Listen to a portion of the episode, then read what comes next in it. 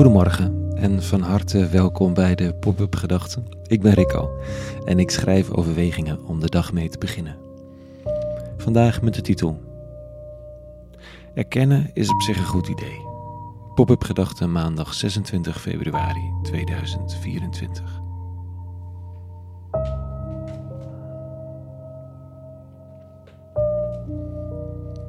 Het is maandagochtend en dat is toch wel met stip de lastigste ochtend van de week. Zeker als het koud is. En ik vraag me af waarom het zo moeilijk is. Je hebt er gewoon een besluit genomen. Hoezo geen zin? Maar zo werkt het natuurlijk niet. Je kunt van alles besluiten en willen en je voornemen. Maar als de werkelijkheid zich aandient, dan blijkt je met je besluit en je wil en je voornemen met de helft geen rekening te hebben gehouden. Van die dingen die je dan bij je besluit niet zo belangrijk vond. Of je, het op het bewuste, of je er op het bewuste moment wel zin aan hebt, bijvoorbeeld. Daar kun je helemaal niet berekenen, dus sluit je het uit van de overwegingen. Gewoon doen, ja toch? En dan zijn er nog tal van elementen die buiten het blikveld vallen. Hier we besloten als mensheid dat concurrentie de beste manier was van een eerlijke prijs vinden. De race to the bottom voor de boeren die leveren aan supermarkten was echter niet helemaal ingecalculeerd. En digitalisering van werk was fantastisch. Het was democratisch, efficiënt en alles. Het feit dat voor de snelle rekenarij van onze computerchips gedolven moet worden op plekken waar onrecht heerst, of waardoor er op plekken onrecht heerst en lijkt te blijven heersen waar slavernij aan te pas komt. Aan onze meest basale tools voor werk. Ja, dat hadden we even gemist. En dan ga je naar je eigen handelen kijken. En dat van ons als mensen. En wordt het een beetje donker. Want je kunt best wel mooie dingen toevoegen aan de weegschaal van goed en kwaad. Maar weegt iets liefs doen op tegen de ellende die we de wereld elkaar en onszelf aandoen? Ik kan mooie spirituele dingen typen op mijn computer, maar wist dat uit waar deze vandaan komt en hoe die is geproduceerd?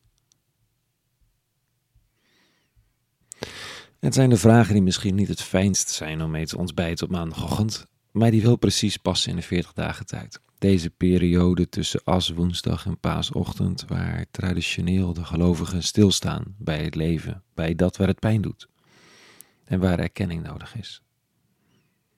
Want dat is wel het hart en de ziel van de christelijke traditie. Niet de zweep om te herstellen, maar de open handen van herkennen. Dit is wat het is. Met alle ongemak van die. En de vraag om de bevrijding van het geweten niet uit gemakzucht, maar om het goede leven te kunnen leven en het niet cynisch op te geven. Vandaag in de lezing van de dag. Dit staat u. Laat ons niet boeten voor vroegere zonden. Kom met uw barmhartigheid ons tegemoet, want wij zijn maar zwakke mensen. Hm. Simpel wel, en vrij recht door zee. Een dichter die het schrijft, het wordt een lied dat thuis hoort in de bundel van de gelovigen van toen. Niet als enige, er is een hoofdstuk feestliederen en eentje van dankbaarheid, maar dit versje hoort er ook tussen. Want we zijn maar zwakke mensen. En dat is niet erg. Het is lastig en het beschadigt soms van alles. Dat is wat het is.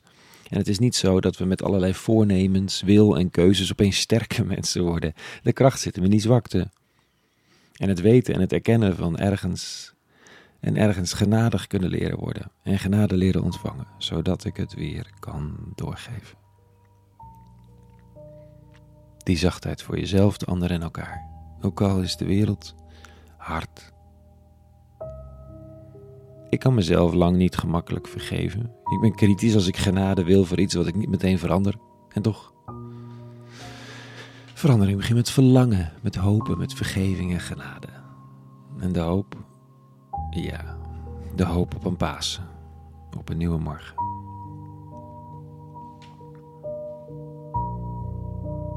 Hm, tot zover.